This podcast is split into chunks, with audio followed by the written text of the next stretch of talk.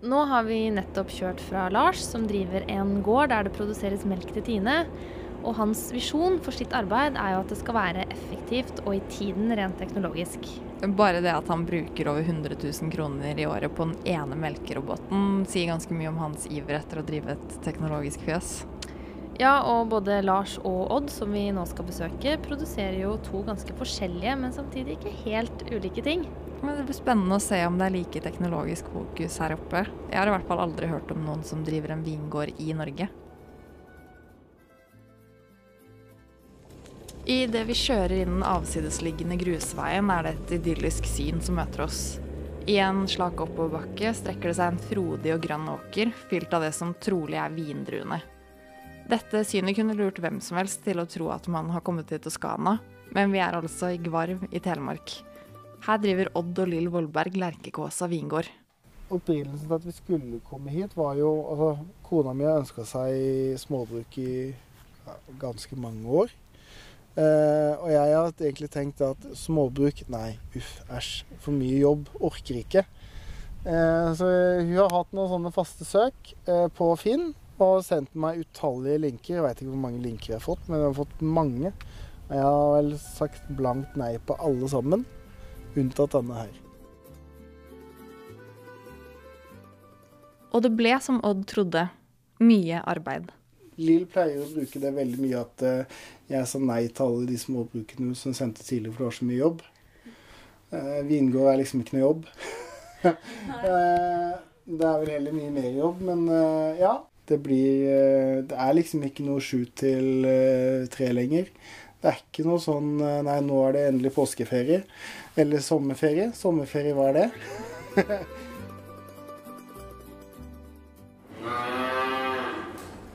Vi kommer til melkebonde Lars Vassen i Porsgrunn halv syv om morgenen. Da er han allerede i full gang med dagens gjøremål, og i kledd grå kjeledress, støvler og hørselvern viser han oss vei mot et av fjøsene. De er 38. De er 38. Vi får på grønne kjeledresser og er klare for å gå inn til kuene. Nå går inn til, til roboten der. Eh, Det er en sånn vippeport, så kan det gå begge veier. Nå ser du nå står ei i kø, og så kommer det to til der. Du står i kø? Ja, du står faktisk i kø. Ja, ja, ja. Jeg står i kø. På Lars sin gård er det tre fjøs. Vi befinner oss inni det største, hvor han har melkekuene sine. Midt i fjøset står en av Lars sine teknologiske investeringer. En stor melkerobot med sugekopper melker kuene og fyller en tank som blir hentet av Tine hver tredje dag. Altså Det er fire kjertler, og så når en og en er tom, så tar den av. Så ikke du skal få tomgangsmelking og så øh, ødelegge spenekanaler og sånne ting. da. Nå sprayer han etterpå med, med kan du si, spenespray, kaller vi det. Det er jo egentlig for å mykgjøre og hindre bakterier og sånne ting. da. Merker kuene selv at de skal melkes? Eller hvordan fungerer det? Eh, litt, men så er det kraftfôr som styrer. Det blir som å gi unger sjokolade. Ja. Liksom, altså, det har de lyst på, så, så går de for å spise kraftfôr. Det er ikke primært for å bli melka. Eh, så da går, går kuene der og står i kø og, for å bli melka, men den klarer jo bare én ku av gangen. Og køen, den er ikke tilfeldig. Så de må liksom finne sin rytme i systemet, litt i forhold til hierarkiet, hvor de er hen i hierarkiet. Altså hvis, om de er nederst på rangstigen eller på toppen, eller eh, Så noen kommer jo når de andre som er mest sjefer, når de står og spiser. Så det er hierarki, altså? Ja, til de grader. Og for å kåre dronninga i fjøset har kuene flere metoder. De sier, noen kan jo bare gi de blikket, liksom. Jeg er sjefen. Og mens andre så er det litt sånn knuffing og Setter de på plass, ja. Det er som en skoleklasse eller eh, Ja, ja, ja. Odd viser oss rundt på tunet, der gjester kan overnatte i store, runde vintønner. De er innredet med dobbeltseng og et lite vindu. Og så får du en hverdagshistorie, og den er jo litt morsom nå, da. Odd lukker døren til vintønna og forteller videre. Var ikke morsom akkurat der og da når det skjedde, men i fjor så hadde vi en traktor som kjørte løpsk og kjørte gjennom fire rekker, fire rader for oss her, og pløyde opp jorda etter seg. Så det var eh, holdt jeg på å si, Hvordan i all verden når det er Nei, det var helsemessige årsaker. Eh, Mannen har epilepsi og hadde et anfall, rett og slett. Til tross for at han måtte forpakte vekk jorda si, gikk det bra med mannen i traktoren. Men det var kun et par av mange drueplanter som overlevde påkjørselen. De to her, de fant vi eh, når traktoren kjørte gjennom. Så kom den litt nedenfra der, kjørte tvers igjennom her og stoppa i den stolpen som står langs veien der. Drueplantene som måtte bøte med livet, var 10-11 år gamle, og det vil ta Odd og Lill ca. like lang tid å dyrke nye. Men de to som ble reddet, kan mulig høstes allerede fra neste år av. Så Derfor så liksom lønner det seg på en måte så noen ganger også ha litt is i magen og vente. Eh, de er veldig hardføre så lenge de eh, ikke dør. Så vi kan ofre et år eller to for å se om man kommer seg eller ikke. Eh, eller så bytter vi den ut.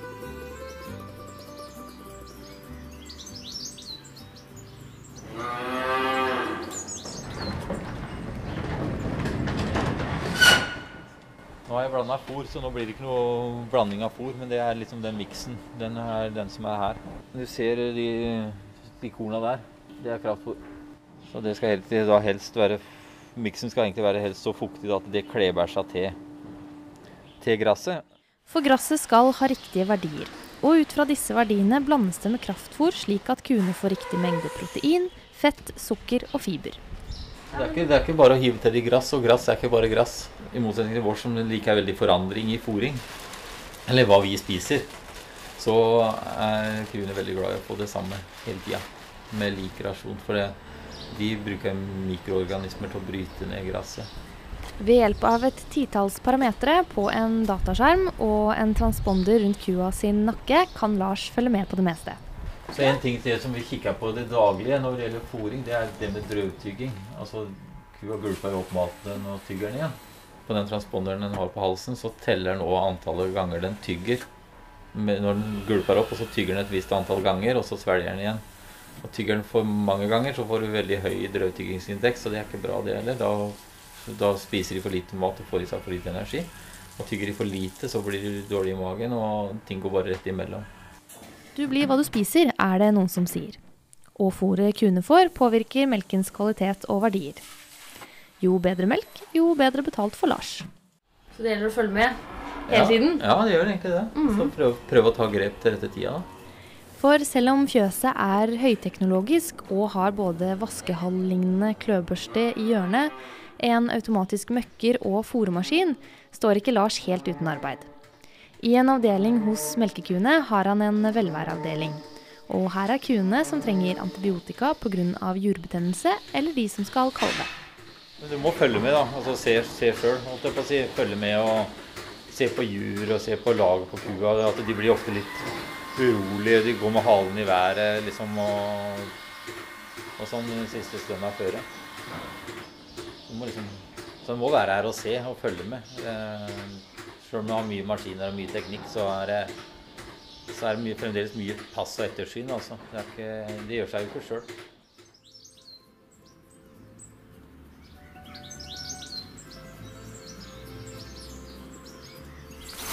Vi kan gå gjennom vinkjelleren, og altså inn på lageret. Inn døren til den røde låven ligger vinkjelleren. Det er trangt og intimt, med store metalldunker som inneholder vin til gjæring. Innerst i rommet, i hyller langs veggen, oppbevares vinen som er ferdigprodusert og helt over på flaske. Når vi plukker igjen, så går det da inn til kasser. Og så hvis det er utevær, så steller vi oss bare foran vinkjelleren, og så står vi ute og presser. Eh, og da kjører vi det rett i pressa med en gang. Presser én gang, og så tar vi druene ut i en dunk ved siden av. Og så må vi tråkke Med føttene? med føttene. En eh, uerfaren eh, vinkjenner tenker kanskje at det bare er på film man tråkker druer med føttene. Men dette har en svært viktig hensikt i produksjonen. For vi vil ikke ødelegge for mye av skallet eller steinene. Vi vil ikke ha så mye smak av det med. Veldig skånsomt presse som presser veldig skånsomt. Og da må vi tråkke på dette her, sånn at vi får eh, på en måte massert ut den safta i midten.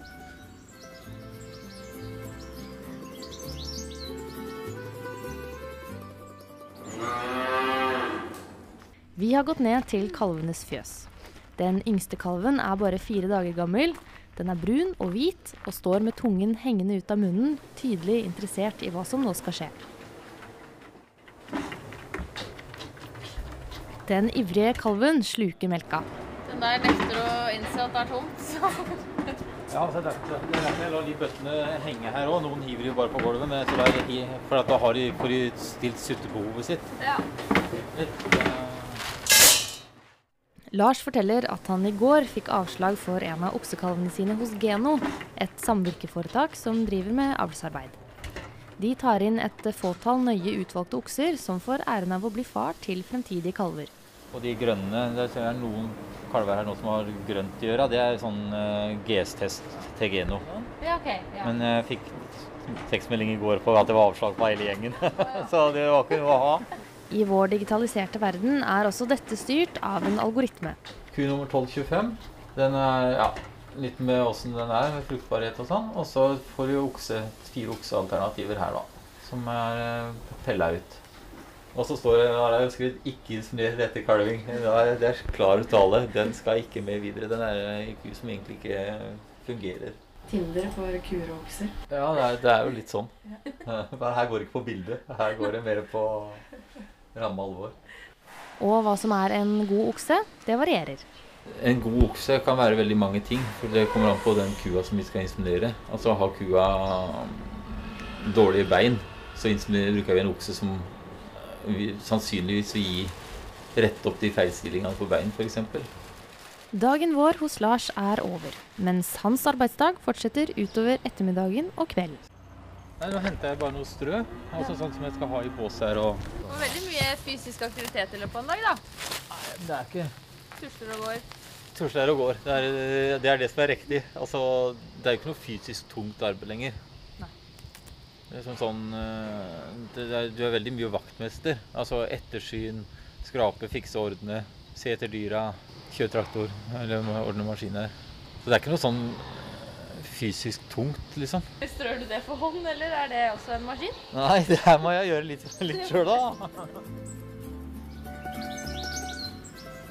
Det solrike og varme klimaet på sommerstid gir gode vekstvilkår for fruktdyrking i Gvarv.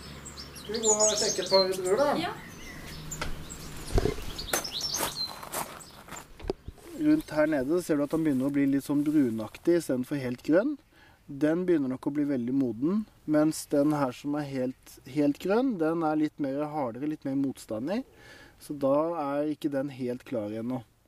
I vinen Odd og Lill produserer, er det ikke noe tilsatt sukker. Derfor er det viktig å sjekke druens naturlige sukkerinnhold før de høstes inn. Dette kontrolleres med et lite kikkertlignende apparat som heter refraktometer. Så da har jeg et sånt reflektometer som da måler briksen, og det er eh, en, en sukker, sukkerverdi, da. Så da tar jeg den som er faktisk mest moden. Så skal jeg ta en som er mye mindre moden, og skal jeg bare se forskjellen på den ene planta. Når vinen er ferdig tråkket, produsert og helt over på flaske, tilbyr gården vinsmaking med egenprodusert vin av forskjellig frukt og bær. Dette byr på mange forskjellige opplevelser hos de besøkende, og det er spesielt én gjest Odd husker svært godt. Eh, Jeg spurte liksom ja, hva, hva smaker dere, hva tenker dere, hva, hvilken følelse får dere av å drikke vin? Og da var jeg liksom kommet til han, da. Eh, og så sa han at ja, jeg kan ikke så mye om vin, jeg, da, men eh, jeg kan jo fortelle det jeg tror og mener jeg smaker, kanskje. Det er at Når jeg smakblander vin her, så får jeg en følelse av eh, grusvei, skyr, fjøs og litt stekt sopp. Det er ikke noe rett eller galt i hvordan man opplever en vin. Altså, det er egen opplevelse, det. Så det er liksom ikke noe Kan ikke si at du, det er helt feil.